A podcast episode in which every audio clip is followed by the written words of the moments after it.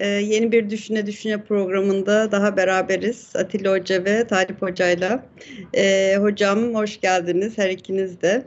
Ee, biz birkaç haftadır e, aslında herkes gibi diyeyim e, Ukrayna e, gündemi üzerinden hem Türkiye'yi hem diplomasiyi hem e, savaşın e, hemen e, yakınımızda kuzeyimizdeki bu savaşın e, dünyayı e, değiştirme kapasitesini e, konuşuyoruz, ko- e, konuşmaya devam ediyoruz.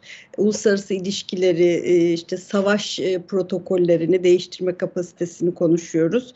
Ve tabii ki e, dün gerçekleşen NATO zirvesi, Brüksel'deki trafikte bu anlamda süreçle çok alakalı. Buradan bir netice çıkıp çıkmamasından bağımsız olarak aslında NATO'nun Ukrayna gündemli olağanüstü toplantısı da bu sürecin önemli bir parçası olarak tezahür etti.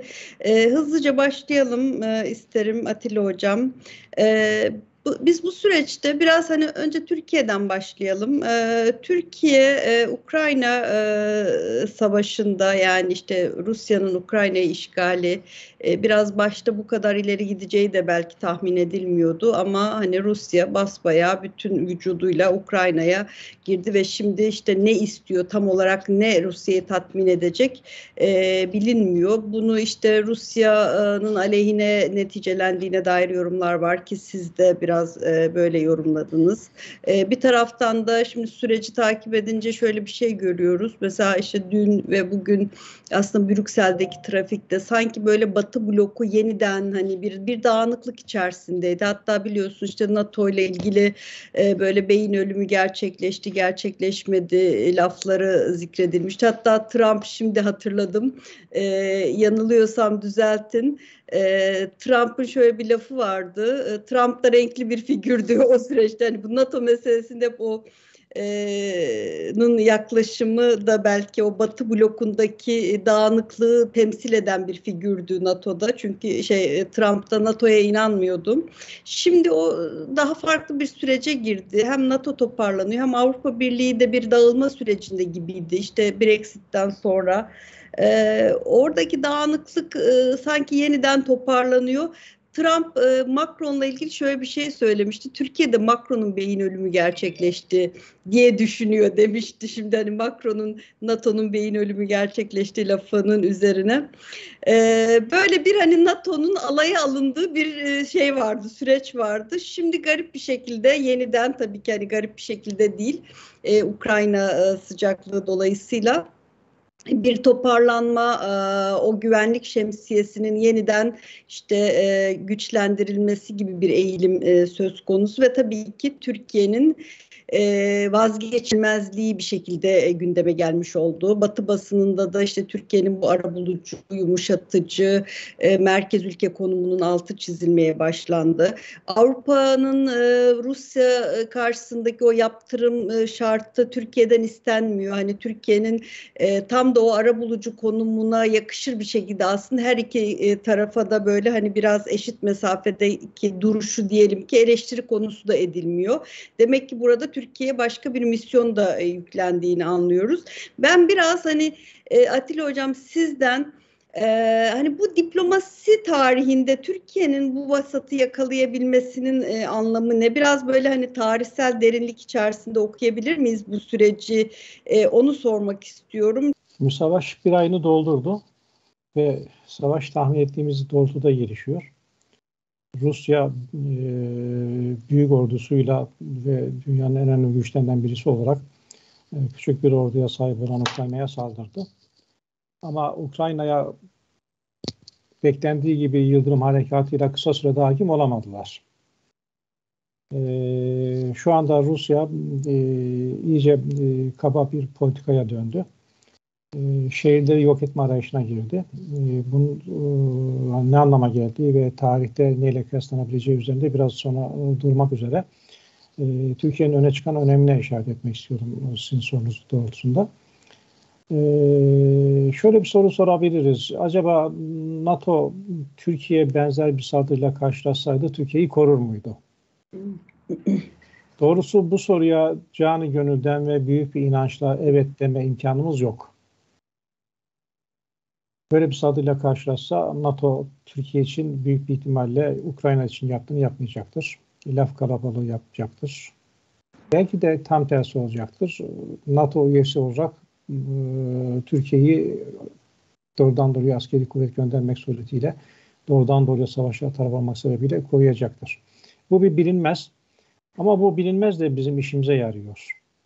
Bu bizim için bilinmez olduğu gibi Türkiye'ye saldırmayı düşünebilecek güçler tarafından da bilinmez. Yani NATO cevap verebilir de vermeyebilir de.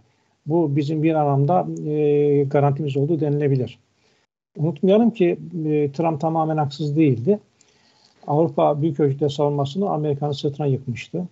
Türkiye'nin de sırtına yıkmıştı. Türkiye NATO'nun güneyde kanadının korunmasında tarihi öneme sahip roller oynadı.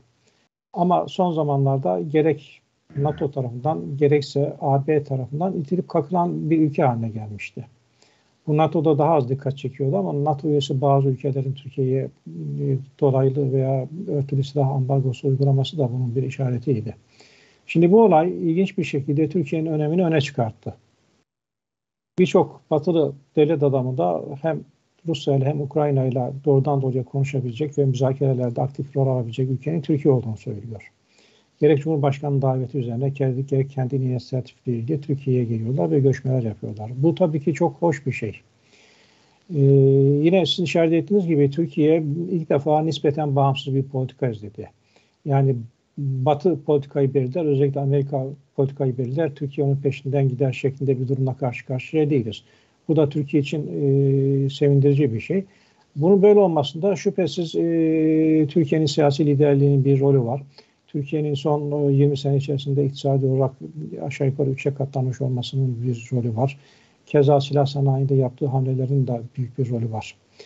Ee, NATO bir tarafa AB'nin özellikle Türkiye'ye yönelik politikasının iki yüzlü olduğunu söyleyebiliriz.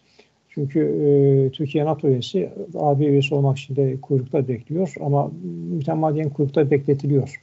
Dolayısıyla AB'nin Türkiye'ye karşı tutumu da iki yüzlü bir tutumdur.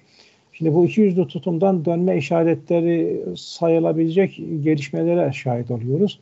Ama gerçekten öyle midir yoksa bu geçici bir durum mudur? Bunu anlamak için zamana ihtiyacımız var. Bu arada e, şunu da belirteyim. AB konusundaki şahsi pozisyonum şu. AB medeniyetin başlangıcı değildir. AB'den önce medeniyet yoktur şeklindeki bir yaklaşım yanlış bir yaklaşımdır. Bundan 60-70 sene önce AB diye bir ünite yoktu. 60-70 sene sonra da AB'nin olup olmayacağı belli değil. Türkiye'nin uyması gereken değerler uygarlık değerleridir ve uygarlık değerlerini yaratan da AB değildir. Hatta AB'nin çeşitli açılardan uygarlık değerleriyle çelişen, çatışan politikaları vardır. Ama Türkiye'yi kapıda bekleten AB, Romanya gibi, Bulgaristan gibi Türkiye'den demokratik standartları da, ekonomik standartları da çok daha düşük olan ülkeleri apar topar üye yaptı. Türkiye'ye ise devamlı olarak yeni şartlar ileri sürdü. Bu da Türkiye'nin e, AB tarafından çift standarda tabi tutulduğunun tipik bir göstergesi olsa gerek. Zannediyorum ki Türkiye bütün bu gelişmeleri değerlendirecek ve AB'den Türkiye'nin AB üyeliği doğrultusunda ciddi adım atmasını isteyecek. NATO'da ise zaten en azından teoride eşit bir e, ortak olarak varlığımızı ve faaliyetlerimizi devam ettiriyoruz. Dolayısıyla Türkiye'nin politikasının isabetli olduğu kanaatindeyim. Ee, ve bu politikanın e, sonuç getirmesini umut ediyorum. Ama bu politika sonuç getirmese bile Türkiye e, bağımsızlığını takviye etme yolunda ve silah sanayini takviye etme yolunda herhalde yoluna devam edecektir. Bu da Türkiye'yi bir bölgesel olarak e, muhafaza etmemize yardımcı olacaktır e, kanaatindeyim. E, savaşa gelince savaşın ne zaman biteceği belli değil. E, Rusya kabalaştı iyice ve şehirleri yok etmeye yöneldi bütün büyük gücüne rağmen Rusya hiçbir hemen hemen hiçbir Ukrayna şehrini ele geçiremedi. Bu da acaba Rus ordusu şişirilmiş bir balon mudur? Rus ordusu hava gücüne dayanarak şov mu yapıyor? Yoksa hava gücüne dayanarak e, bir ülkeyi kolayca ele geçireceğini mi zannettiği gibi soruları sormamıza yol açıyor. Benim dikkatimi çeken Mariupol şehrindeki durum orada biliyorsunuz şehir kuşatılmış durumda ve ciddi bir açlık boş göstermiş durumda. Bu da aslında Ukrayna tarihi için yeni bir durum değil. Ee, belki bundan sonraki vereceğiniz sözde e, Ukrayna'da 1932-33'te Stalin tarafından yaratılan kıtlık üzerinde durarak iki durum arasındaki benzerlikleri işaret etmeye çalışabilirim diye düşünüyorum. Ee, hocam e, bu aklımızda kalsın bu soruya dönelim. Ee, bir şeyi yanlış anladım ya da tam anlayamamış olabilirim. Bu süreç e, yani Türkiye'nin e, mevcut diplomatik pozisyonu diyelim ki Türkiye Avrupa Birliği ilişkilerini de sağaltır, düzeltir mi dediniz? Ben mi yanlış? Evet düzeltme işaretleri geliyor dedim. Ama bunun gerçekten ortaya çıkıp çıkmayacağını, vuku bulup bulmayacağını görmek için zamana ihtiyacımız var. Eyvallah. Teşekkür ederim hocam.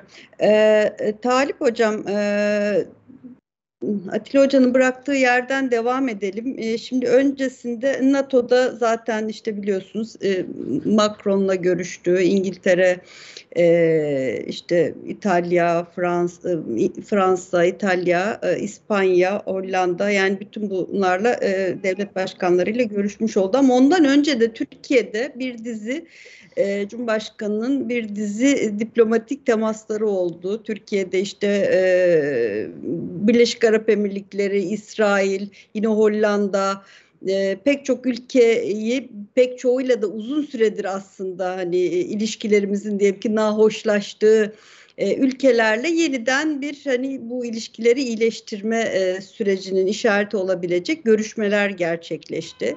E, dikkat çekici olanlardan işte hem Birleşik Arap Emirlikleri hem e, İsrail e, dikkat çekici görüşmelerde. Bu ve üzerine tabii ki hani yine Ukrayna. Yani siz nasıl değerlendiriyorsunuz? Hakikaten sanki böyle bir parantez kapandı ve yeni bir e, dönem başladığı hissi verecek bir şey var hani dış politikada özellikle. E, sizin değerlendirmeniz nedir? Hakikaten bir parantez kapandı mı? Ne dersiniz? Özellikle son 6 aydaki Türkiye'deki dış politika gelişmelerine baktığımız zaman özellikle Cumhurbaşkanı'nın ve e, hükümetin temaslarına gerçekten burada önemli bir dönüşümün işaretlerini görmemiz mümkün.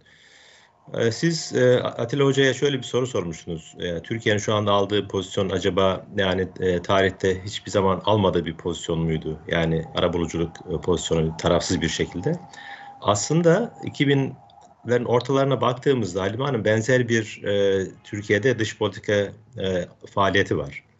Yani mesela işte Filistinlerle İsrailler arasında barış görüşmelerini Türkiye çok... E, doğru diyorsunuz. Suriye için de belki savaşta evet, böyle bir tabii. Tabii mesela Hindistan'la Pakistan arasındaki bir takım işte gerginliklerin giderilmesi konusunda yani Türkiye e, bu açıdan bakıldığında aslında güvenilir bir ülke. Onu ifade etmekte yarar var. Yani ilk defa olmuyor bu ama bugün tabii ki çok daha büyük bir savaş var ve bu savaşı aktif bir şekilde devam ediyor. Bunun durdurulması için Türkiye gayret gösteriyor. Bu daha fazla tabii dikkat çekiyor. Ama Türkiye'nin geleneksel olarak baktığımızda 2000'lerden sonra yani biraz toparlanınca ekonomik olarak Atilla Bey'in söylediği gibi savunma sanayi itibariyle güvenilir bir ülke. Yani e, hiçbir zaman e, verdiği sözün e, dışına çıkmıyor. E, ve Türkiye kurduğu ittifakları hani böyle tabiri caizse günübirlik menfaatler üzerinden değil de bir takım uzun vadeli kazan kazan formülleri üzerine hep inşa etti şimdiye kadar. Yani ne zaman bakarsanız bakın hükümetin farklı ülkelerle olan ilişkilerine bu isterse Afrika'daki bir takım ülkeler olsun yani daha az gelişmiş veya gelişmekte olan ülkeler olsun. isterse Amerika Birleşik Devletleri gibi süper devlet olsun. Türkiye hep şunu söyledi yani biz eğer ortak bir iş yapacaksak bu kazan kazan formülü üzerine dayansın. Sadece bir ülkenin kazandığı diğerinin kaybettiği değil. İşte mesela bu patriotların alımıyla da ilgili biliyorsunuz en önemli sıkıntılardan bir tanesi buydu. Amerika Birleşik Devletleri bizim şartlarımızda alırsanız bunu size satarız diyordu. Hatırlayın o günleri. Orada bile evet. gönülsüzdü. Yani Türkiye'de şunu söylüyordu. Evet yani biz e, çok ciddi miktarlarda size bununla ilgili para ödeyeceğiz. İşte e, ama bunun karşılığında hiç olmazsa teknoloji transferi, ortak üretim gibi orta uzun vadede Türkiye'nin de elini güçlendirecek bir pozisyon alın denildiğinde biliyorsunuz Amerika hayır demişti ve şu beklenmiyordu o zaman Türkiye'den. Ya Türkiye kendisine dayatılan bütün şartları kabul eder inancı vardı. Ama yapmadı Türkiye bunu. Bugün de aslında bu devam ediyor ve çok ciddi bir saygınlık kazandırdı. Özellikle Afrika'da, Asya'da ülkeler açısından bakıldığında bunu görmek mümkün. Tabii Türkiye'nin bu geldiği konum böyle bir günde gelinen bir konum değil. Onu da ifade etmek lazım. Biz programlarımızda zaman zaman bahsediyoruz. Hani bir taraftan sert güç, ordu, askeriye ama bir taraftan da yumuşak güç dediğimiz işte ekonomi, iktisat, e, e, insani yardımlar gibi meseleler var. Bunları üst üste koyduğumuzda Türkiye bugüne geldi. Yani şu anda Türkiye e, dünyada insani yardım yapan en fazla ülke. Gayri safi milli hasılasına göre miktar olarak en fazla yardım yapan ülkelerden bir tanesi. Bu tabii Türkiye'yi bir e, bu anlamda çekici bir hale getiriyor. Daha güvenilir bir liman olarak e, görüyor Türkiye'yi. Yani mesela 2010'lara 2012'lere kadar ki bu doğrudan yabancı yatırımlara baktığımızda da bunu görebiliyoruz. İktisadi olarak da Türkiye güvenilir bir limanda. Yani Türkiye şu anda yine mesela dünyada işte diyelim ki bir e, para dönüyor ve e, insanlar yatırım yapacak yer arıyor. Bakın Türkiye tekrar sizin de başta işaret ettiğiniz son işte 3-4 aylık gelişmelere baktığımızda, diplomatik gelişmelere baktığımızda böyle bir yere doğru gidiyor.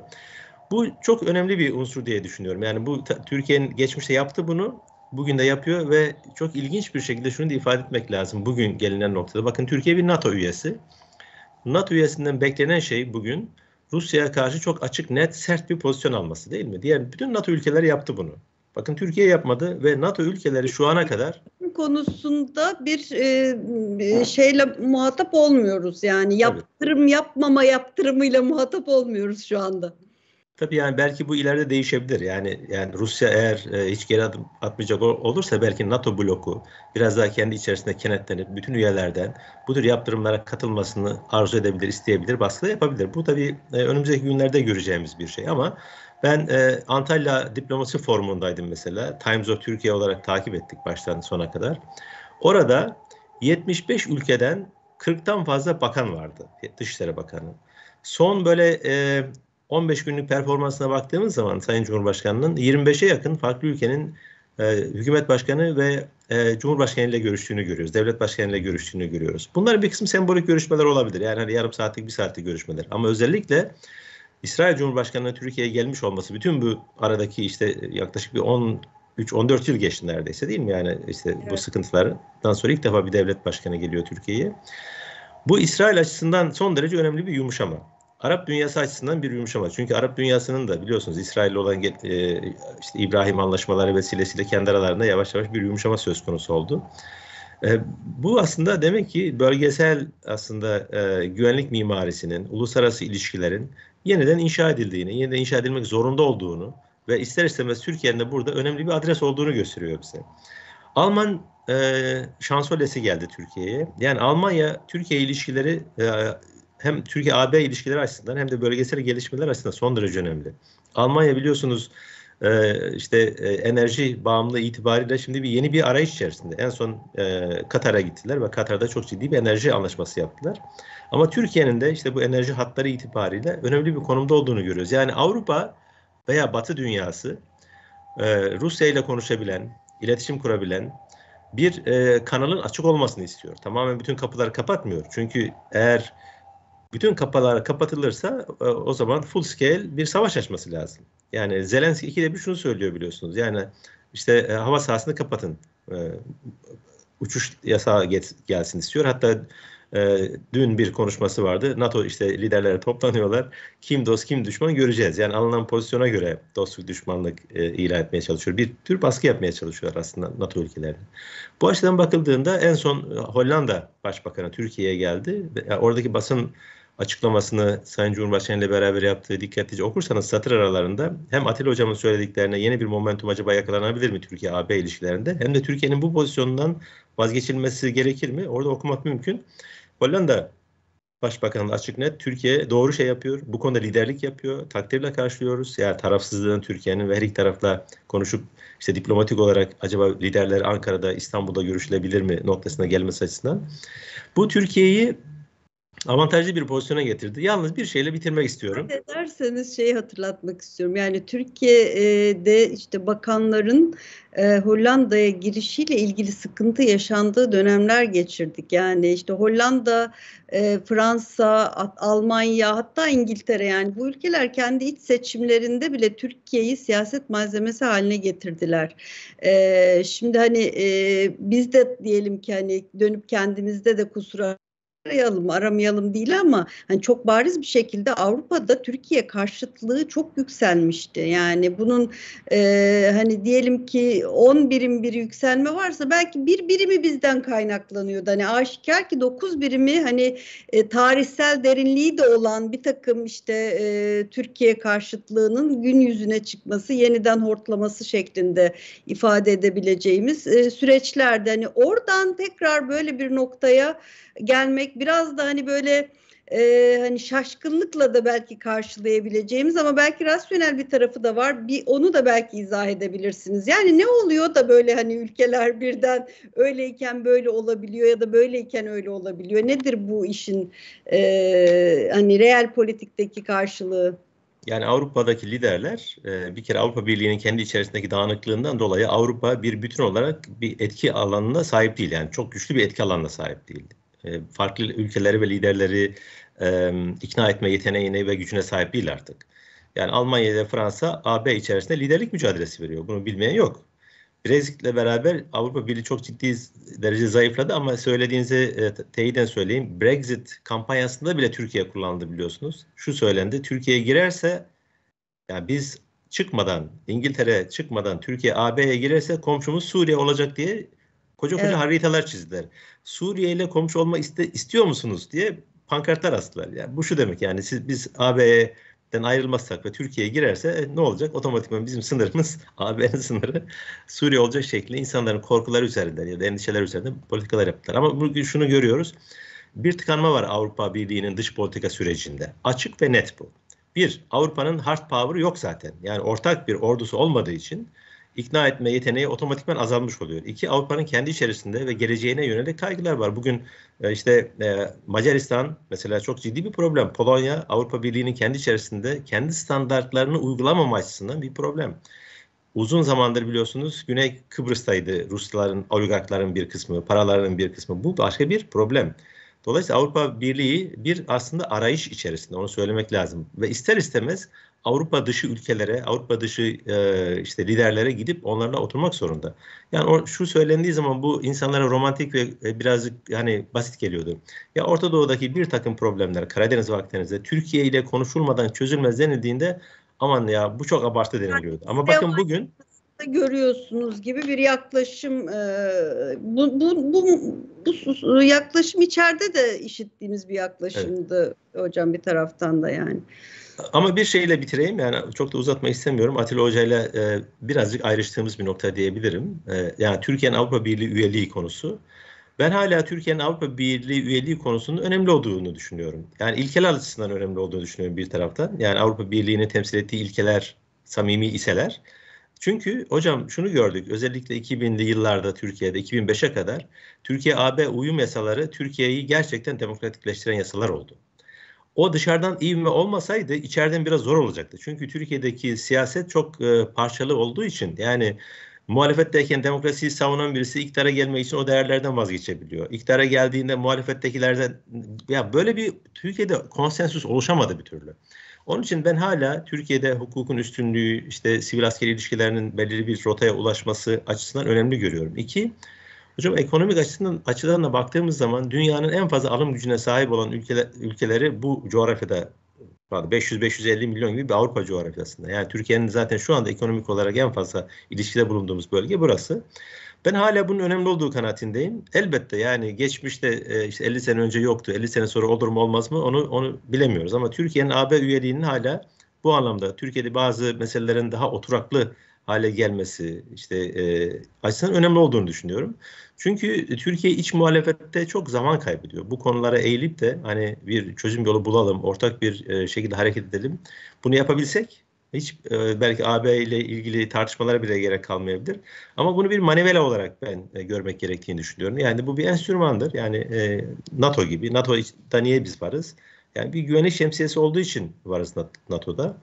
Bunları hesaplayarak bence hareket etmek gerekir diye düşünüyorum. Bir de belki şu konuya değinebiliriz Halim Hanım benim aklımda ama mesela Amerika S-400'leri acaba Ukrayna'ya versek de Türkiye ile ilişkileri düzelsek mi e, kabiliğinden biliyorsunuz e, bir takım e, enformal girişimlerde bulundu Mart başından itibaren. Daha sonra da bunu bir gazetede yazdırdılar eski bir CIA ajanına.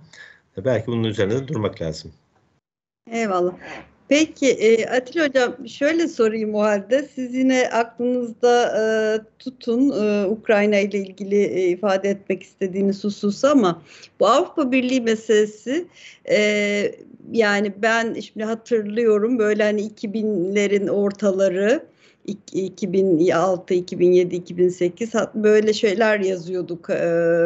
Neredeyse Avrupa Birliği'ne girmek hani Türkiye'de kamuoyunun o kadar ikna olduğu bir şeydi ki e, hani bir arzu nesnesine dönmüştü sosyolojik tabirle e, Avrupa Birliği'ne girmek. Yani ikna olmuştu, vatandaş da ikna olmuştu. Yani hem işte alım gücü yükseliyor hem tabii ki yani bütün halkı boğan bir 90'lar e, döneminden sonra hani o demokratikleşmenin, içe kapanmanın e, dar bir kesimin değil bütün geniş bir kitlenin hayatını etkileyecek e, denli e, tesir ettiği bir e, dönemdi. Dolayısıyla hani Avrupa Birliği'ne girme süreci o işte uyum paketlerinin havada uçuştuğu o süreç hani herkesi şey yapmıştı bir anlamda ikna etmişti diyebilirim. Hani herkes dediğim tabii ki hani bir çoğunluktan bahsediyorum.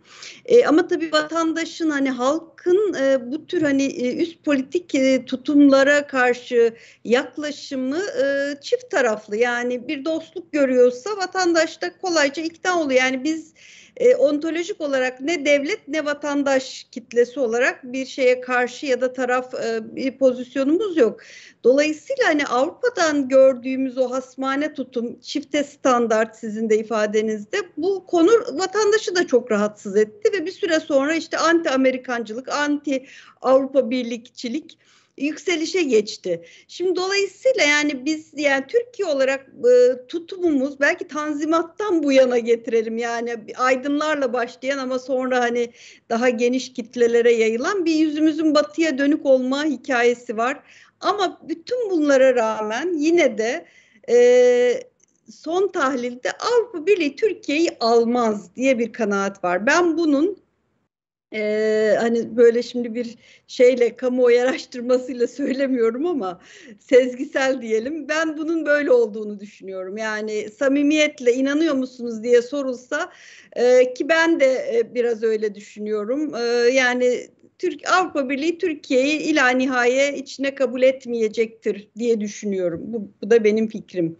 Ee, yani böyle baktığınızda hakikaten şimdi bence o çıpadan vazgeçmemek gerekiyor. Yani hani kabul etmez deyip e, bu rayı kestirip atmamanın da mantıklı bir izahı var bana kalırsa. Hiçbir şey yapmıyorsak şunu yapıyoruz aslında Avrupa Birliği'ni kendi kriterleriyle sınıyoruz. Yani Türkiye için değil aslında Avrupa Birliği için de Türkiye'nin üyelik süreci bir sınamaya dönüşmüş vaziyette. Ben bu açıdan da değerli buluyorum. Hani bu, bu görüşümü ifade etmek istedim. Hani sizin varsa söyleyeceğiniz bunun üzerine. Hani ben sadece Türkiye'nin üyeliği üye olup olmayacağı açısından değil. Avrupa Birliği'nin kendi kriterlerine uyumu açısından da Türkiye'nin o kapıda bekletilme süreci bir sınama sınama aynı zamanda. Avrupa Birliği için de bir sınama. Bence bu ilişkiyi kopartmamak e, sürüncemede kalmasının bir e, hayır hah tarafı da var. Yani son tahlilde hem o çıpadan kopmuyorsunuz. Bu bizim için e, zararı karı olan bir şey değil. Hani son tahlilde evet e, ödevlerimizi yapıyoruz. Zaten yapmamız gerektiğine inandıklarımızı yapıyoruz. İnanmadıklarımızı yapmıyoruz. Nitekim işte terörle mücadele meselesinde sıkıştığımız yerde dedik bu bizim için güvenlik meselesi. Bugün bu kadarını yapabiliyoruz. Orada işte e, şey yapmadık, geri adım atmadık. Yani hiçbir çünkü egemen devlet kendi egemenliğiyle ilgili bir noktada geri adım atmıyor. Niye biz atalım? E, ama hani o çip orada durduğu müddetçe işimize geldiğinde de yapıyoruz ve bu bir sınamaya dönüşüyor Avrupa Birliği için. E, siz e, bütün bu Türkiye'nin hani batı yüzünü batıya döndüğü taraf dönemden itibaren bu bir hikaye yani bugün ya da cumhuriyetle başlayan bir şey de değil.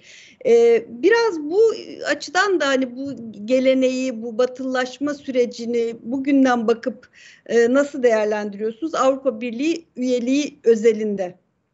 Nasıl uzun Avrupa bir şey Birliği Avrupa Birliği üyeliği bir zamanlar Türkiye'de hemen herkes için bir hayaldi. Peşinden koşulan iyi bir hayaldi. Ve e, özellikle AK Parti iktidarının ilk yıllarında bürokratik vesayet sistemine karşı mücadelede Avrupa standartları dediğimiz standartlara başvurmak ve Avrupa'dan destek almak e, olması gereken bir şeydi. İşe yarar bir süreçti. Ee, ama e, millet olarak galiba abartma eğilimimiz burada da boy gösterdi ve Avrupa Birliği her şeydir. Avrupa Birliği dışında kalmak tam bir felakettir şeklinde yazan çizenler oldu. O günlerde de mesela ben bu vesileyle hazırlanırken 2005 yılında yazdığım bir iki yazıya baktım. E, ismi lazım değil. Bazı kişiler e, her şeyin standartını Avrupa Birliği'nde buluyorlardı. Avrupa Birliği'nde kusursuz bir medeniyet e, teşhis ediyorlardı. Benim itirazım bunadır. Avrupa Birliği kusursuz bir medeniyet değildir. Avrupa Birliği çeşitli bakımlardan Türkiye'den üstün olabilir. Özellikle demokratik standartlar bakımından üstün olabilir. Avrupa'dan öğrenmemiz gereken, taklit etmemiz gereken, yapmak için destek almamız gereken şeyler olabilir. Ama Avrupa Birliği'nin de kendine mahsus problemleri var.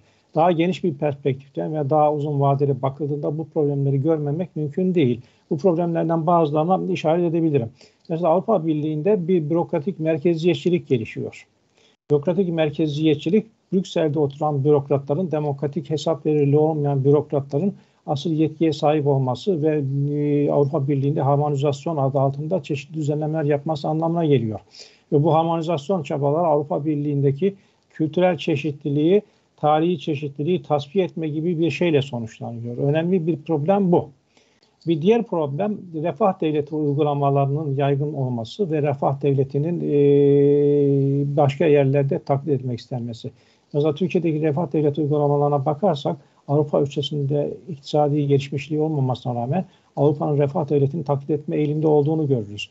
Halbuki Avrupa devletleri bunun e, zararlarını yaşıyorlar ve refah devleti bir tabiri caizse geriye sarmaya başladı. Bu da bir problem. Ee, bir diğer problem Avrupa Parlamentosu'nun gerçek anlamda bir parlamento olmamasıdır. Hala önemli ölçüde yetki ülke parlamentolarındadır ve Avrupa Parlamentosu görünüşte bir parlamentodur. Ee, Türkiye gibi ülkelerde çifte standart uygulaması Müslümanlara karşı genel bir çifte standart uygulamasına da dönüşmektedir. Mesela Suriyeli göçmenlere karşı gösterilen tepkiyle, tavırla Ukraynalı göçmenlere karşı gösterilen tepki, tavır bunun tipik bir yansıması olarak boy bulmuştur. Diğer taraftan Avrupa Adalet Mahkemesi zaman zaman yasama organı mahiyetine bürünmekte ve herkesi bağlayıcı hükümler ortaya koymaya çalışmaktadır. Dolayısıyla Avrupa Birliği'nde çeşitli problemleri var. Ama Türkiye çok kötü, çok daha kötü bir yerden geldiği için bu problemler fazla dikkatimizi çekmemiş olabilir. Şu anda mesela Macaristan, Polonya, Avrupa Birliği'nin e, iflah olmaz çocukları, aykırı çocukları gibi görünüyorlar ama o ülkeler açısından baktığımızda onların da haklı olduğu noktalar var. Mesela e, LGBTİ'ye karşı Macaristan'da da Polonya'da da tavır var. Bu tavrın da tamamen haksız olduğu söylenemez. Büyük bir ihtimalle benzer bir tavır Türkiye'de de ortaya çıkacaktır. Dolayısıyla iyileri kötüleri görmek ve Avrupa Birliği'ni bir mucizevi oluşum, medeniyetin başlangıcı ve sonu, onsuz medeniyetin olmayacağı bir proje olarak görmemek lazım. Bir taraftan da Avrupa Birliği'nin çok uzun ömürlü olacağı kanaatinde değilim ben. İngiltere çıktı Brexit'le. Polonya ve Macaristan gibi ülkeler e, çeşitli taleplere ayak sürüyorlar. E, onların da ne e, direnişlerinin ve ayak sürmelerinin nereye varacağını şimdiden görmek mümkün değil. Buna rağmen Talip Bey'e katılıyorum ben. Türkiye Avrupa Birliği üyeliğini takip etmelidir. Avrupa Birliği'nden demokratik standartlarını geliştirmek için yararlanmalıdır. Ama Avrupa Birliği'nin her şey demek olmadığını da aklında tutmalıdır. Ee, bence doğru olan çizgi budur. Ee, siz Avrupa Birliği'nin bu süreçte bir toparlanmaya girmediğini mi düşünüyorsunuz? Yani sanki böyle bu Ukrayna meselesi e, biraz öyle bir intiba oluşturdu. Yani Avrupa Birliği'nin üzerinde değil, Avrupa Birliği üzerinde de e, böyle bir hani toparlanma, kendine çek düzen verme, birliği yeniden o siyasi dayanışma şeyini güçlendirmedi mi? Şüphesiz böyle bir sonuca yol açtı ama yine Talip Bey'in işaret ettiği gibi Avrupa Birliği'nin ordusu yok. Avrupa Birliği hard güce sahip değildi. Hard güç deyince Amerika ve NATO aklımıza geliyor. Dolayısıyla Avrupa Birliği ile NATO birlikte hareket ederse bir şeyler yapabilecekler. Avrupa Birliği Almanya'nın silahlanmasıyla belki yeni bir evreye girecek. Bunu göreceğiz ama Almanya'nın silahlanması etraftaki ülkeler için de korku yaratacaktır. Bir taraftan Avrupa Birliği'nin bu yeni şekil almasına sebep olurken bir taraftan da Avrupa Birliği'nin dağılması şeklinde endişelerin ortaya çıkmasına yol verebilir kanaatindeyim. Yani bir anlamda tarihin yeni bir başlangıç dönemindeyiz gibi geliyor bana. E, gelişmelerin hangi istikamette vuku bulacağını göreceğiz tabii ki. E, tarihin yeni bir safhası derken Tayyip Hocam neyi kastediyor olabilir Atilla Hoca? Yani böyle bir savaş öncesi şey mi? Yani Avrupa'nın içinde esen bir savaş rüzgarı mı bu? E, nasıl bir e, ev, evredeyiz? Ya tabii şu anda Rusya'nın yaptığı e, müdahale ya da işgal girişimi aslında e, çok e, ciddi etkileri olabilecek bir e, girişim. Buna verilen tepkilerden bunu zaten anlıyoruz. Şimdi ben Suriye tabii e, krizini hatırlatmak istiyorum burada. E, benzer bir şey olsun asla istemeyiz ama Suriye'de kriz başladığında işte e, ya işte 3-5 gün içinde biter, rejim devrilir. Sonra işte birkaç hafta içerisinde bu çözülür. Birkaç, birkaç ay. 11 yıl geçti Halime Hanım. Evet. Şimdi Suriye'de tam bir iç savaş başladı ve o gün bugündür bu e, farklı ülkelerinde dışarıdan katılımlarıyla devam ediyor. Hatırlarsanız bu krizin başlangıcında ön, önce e, Rusya'yı tanıdığını ifade eden e, işte e, çeşitli düşünce kuruluşlarından insanlar, akademisyenler, eski bürokratlar ya saldırmaz dediler. Bunu çok televizyonlarda gördük biz. E, hem Türkiye'de hem de dışarıda da aslında. Ama Rusya saldırdı. Üç gün içinde Kiev'i alır, hükümeti devirir, kendine yandaş bir hükümet kurar ve bu işi bitirir dediler. O da gerçekleşmedi. Hadi 3 hafta dediler. Bakın bir ayı geçti. Şimdi belki biz 10 e, ay sonra program yaptığımızda umarız öyle olmaz ama işte 10. ayına girdi de diyebiliriz. E, ve bu ciddi bir insani kriz yaşanmaya başladı. Bakın şimdi 2,5 milyon kişi ayrıldı. Ülke içinde 6,5 milyon insan yerinden edildi. Bu sadece bir ay içerisinde oldu. Yani benzer bir şey iki ay sürdüğünde demek ki 5 milyona yakın e, insanın ayrılabileceğini hatta daha fazlasını tahmin edebiliriz. Çünkü Atilla Bey söyledi Mariupol'da şu anda e, yani yani inanılmaz görüntüler geliyor. O görüntüler şehrin alt üst edildiğini gösteriyor. Bu da Rusya'nın daha önce bize aslında e, benzer tepkiler verdiğini gösteriyor. Yani askerle giremediği yere uçakla giriyor, e, yukarıdan bombalıyor. Bunu Çeçenistan'da, Halep'te gördük. Yerle bir ederek rezistansı kırmaya çalışıyor ya da muhatapları masaya oturtmaya çalışıyor elinde güçlü olacak bir şekilde. Avrupa'daki bu dağınıklık NATO'nun evet bir şekilde şu anda e, askeri oraya yardımlar yapıyor ama yani Rusya'ya karşı böyle bir tek bir vücut olarak askeri güç yok. Bu dönemler elbette ki yani önemli radikal değişiklikleri veya araçlar dönemidir. Bence bu arayış Avrupa'da başladı. Yani biz geleceğimizi nasıl garanti altına alabiliriz? Polonya'dan başladı bu çünkü en yakın orası biliyorsunuz. Rusya'nın e, geçmişte benzer hikayeleri yaşandığı için bu Avrupa'da ya ciddi bir toparlanma neden olacak veya işte ABD'ye daha fazla bir bağımlılık olacak. E, kesinlikle Avrupa'nın güvenlik şemsiyesi, güvenlik mimarisi değişecek. Avrupa Birliği adı altında olsun veya Batı adı altında olsun. Çünkü bu savaşın iki yönü olduğunu düşünüyorum ben. Bunun üzerinde çok fazla düşünmüyoruz özellikle ikinci taraf üzerinden. Birincisi güvenlikle ilgili. Orduyla geliyor sınırların değişmesi.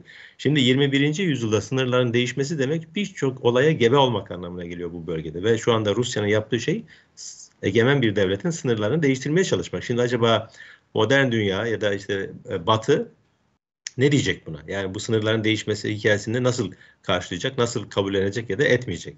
Şu ana kadar Rusya e, kabullendirmeye çalışıyor işte yani e, Do Donbas tarafında iki cumhuriyet, Kırım meselesi, e, ondan sonra anayasayı değiştirin, tarafsız olun diye. E, bütün bunlar aslında yeni oluşumlar demek. Yani Atilla Bey'in söylediklerine ben katılıyorum. Eğer bu kriz şimdi ve kısa sürede çözümlenemezse o zaman orta ve uzun dönemde gittikçe çok yayılacağı için Ukrayna sınırlarının dışına kesin çıkacak bu. Ukrayna sınırları içerisinde kalmayacak. Bu çatışmalar, bu işte ekonomik sıkıntılar. İster istemez o zaman e, batıdaki arayışlar Avrupa Birliği çökebilir de tam tersi değerler etrafında da birleşebilir. Bu tarafını ben önemsiyorum. Yani Rusya'nın açtığı savaş aslında hep biz güvenlik perspektifiyle görüyoruz ama aynı zamanda Rusya'nın e, geleneksel olarak da kendisinden koptuğu, uzaklaştığı yani demokrat, liberal adına ne dersek diyelim bir dünya ile savaşıyor aslında. Öyle bakalım. Çünkü yani e, Çin Rusya'nın e, hizasında yer alıyor, Hindistan hizasında yer alıyor. Bunlar ayrı bir dünya. E, işte e, bazı Arap ülkeler de aynı şekilde biraz daha sessiz, sakin. Ama e, Batı dünyasına baktığımızda o bir hani demokrasi, işte milletin iradesini, demokratik hükümetleri, e, sivil hükümetleri buna benzer değerleri hocam zaman zaman bunları evrensel değerler de diyor tabii. Evet evrensel değerler. Ama geleneksel olarak bakıldığında bunların daha çok batıdan dünyaya yayıldığını görüyoruz. Hala da şu anda pek çok batı ülkesinde eleştireceğimiz çok şey olmasına rağmen İslamofobiden tutun yabancı düşmanlığına kadar elbette ki bu eleştiriler bize saklı kalsın. Yani Peki, e, bir şey, hocam. Ee, yani bu bahsettiğiniz değerler aynı zamanda işte Doğu ile Batı'yı tarif ederken kullandığımız işte Doğu bloku derken neyi kastediyoruz? İçini dol neyi ile dolduruyoruz? Batı bloku derken içini neyle dolduruyoruzun da ifadesi bir anlamda. Peki bu süreç e, burada bir takım değişikliklere yol açar mı? Yani işte o medeni tırnak içinde özgür dünya, çok kültürlü dünya, işte ki bunlarla ilgili bizim hep bir şeyimiz var tabii ki yani hep bir eleştirimiz var zaten. Ee, ama son tahlilde hani günün sonunda biz de resmederken böyle resmediyoruz.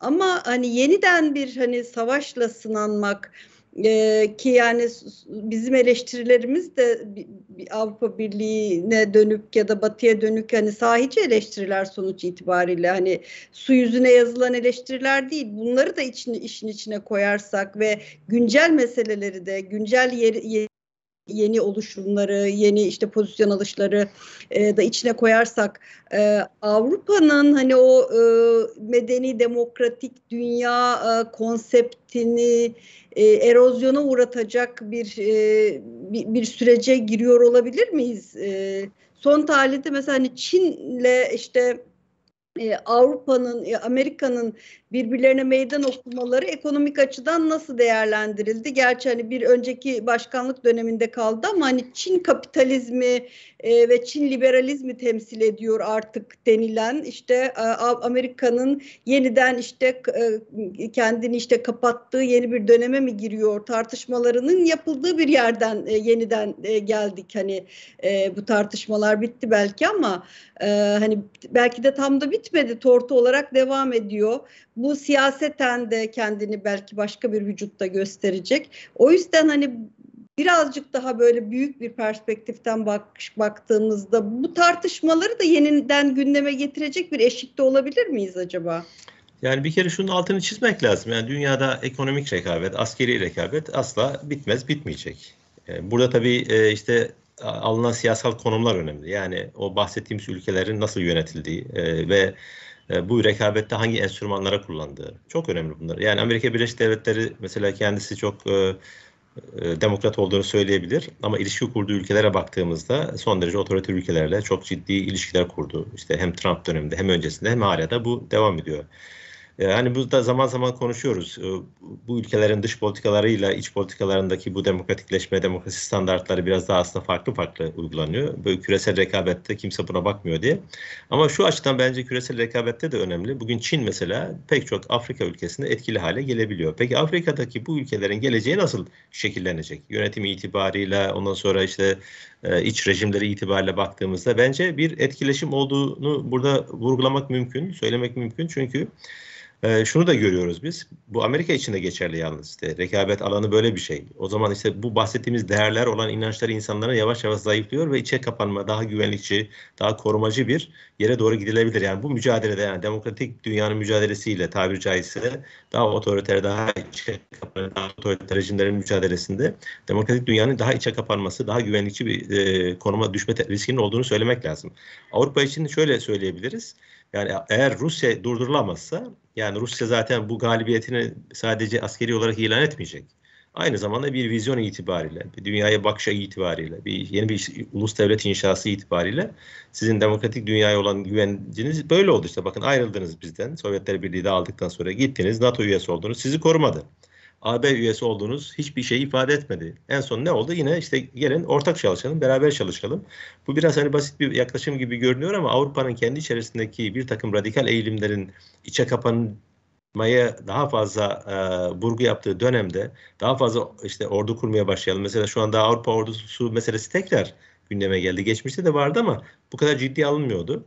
Bu güvenlikçi yaklaşım e, yani İkinci Dünya Savaşı'nın üzerinden çok fazla seneler geçmedi yani bir asır bile geçmedi değil mi yani?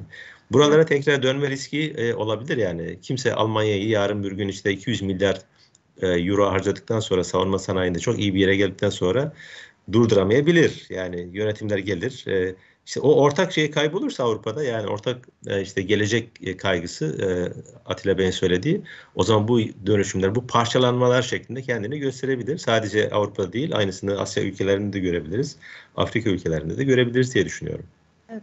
Hocam e, yani süremiz ne kadar kaldı bilmiyorum ama öyle hissediyorum ki çok fazla süremiz kalmadı. Belki arkadaşlar bir işaret verirler. Son soruyu sanki Atilla Hocam size soracak gibiyim. E, benzer bir şekilde aslında soruyu tekrar etmiş olayım. Çünkü hani sizin de ne diyeceğinizi merak ediyorum. Şimdi ben hani uluslararası ilişkilerci değilim. E, ama hani uluslararası ilişkiler teorileri diye bir şey var biliyorsunuz. İşte e, dış politika e, şey olunca hararetlenince e, biz de işte televizyonun izleyicileri olarak türlü çeşitli dış politika teorilerini öğrenmiş, izlemiş oluyoruz. E, ve bu dış politika teorileri de e, yani ziyadesiyle tabii bir e, e, sıcak, reel bir durum üzerine geliştirilen şeyler oluyor. E, işte realist, liberal e, vesaire işte çeşitlendirilebilir belki ya da bunların alt e, şeyleri vardır. E, Bunlara yeni bir belki karma, daha melez bir şey eklenebilir mi? Yani hani öyle bir arefede miyiz sizce? Ee, ne dersiniz? Son söz çok kısaca sizden de alalım e, ve programı kapatalım. Yani bunu başka bir programda uzun uzun konuşmamız lazım. Ee, uluslararası ilişkiler teorilerini iki ana başlık altında toplayabiliriz. İdealist teori ve realist teori. İdealistler kendi teorilerinin, realistler de kendi teorilerinin önemli olduğunu söylüyorlar ama bana göre günün sonunda ağır basan realist teori oluyor ve realist teoride ülkelerin milli çıkar algıları daha ziyade belirliyor ee, diyerek kısa bir cevap verebilirim. E, sanki yeniden milli çıkar algılarının e, yükseldiği bir evrede e, gibiyiz deyip e, kapatalım bu akşamki programı. Bu arada e, böyle hani bir iki değindik aslında hani Afrika meselesi de bu hani Türkiye'nin diplomasi e, hamlelerini e, konuşurken mutlaka belki konuşmamız gereken ve ayrıca bir bölümde tartışmamız gereken bir şey. Onu da aklımıza not edelim ve bir gün mutlaka konuşalım e, derim. E, peki çok teşekkürler. E, bakalım haftaya ne olacak gündemimiz. Teşekkür ediyoruz siz izleyicilerimize de.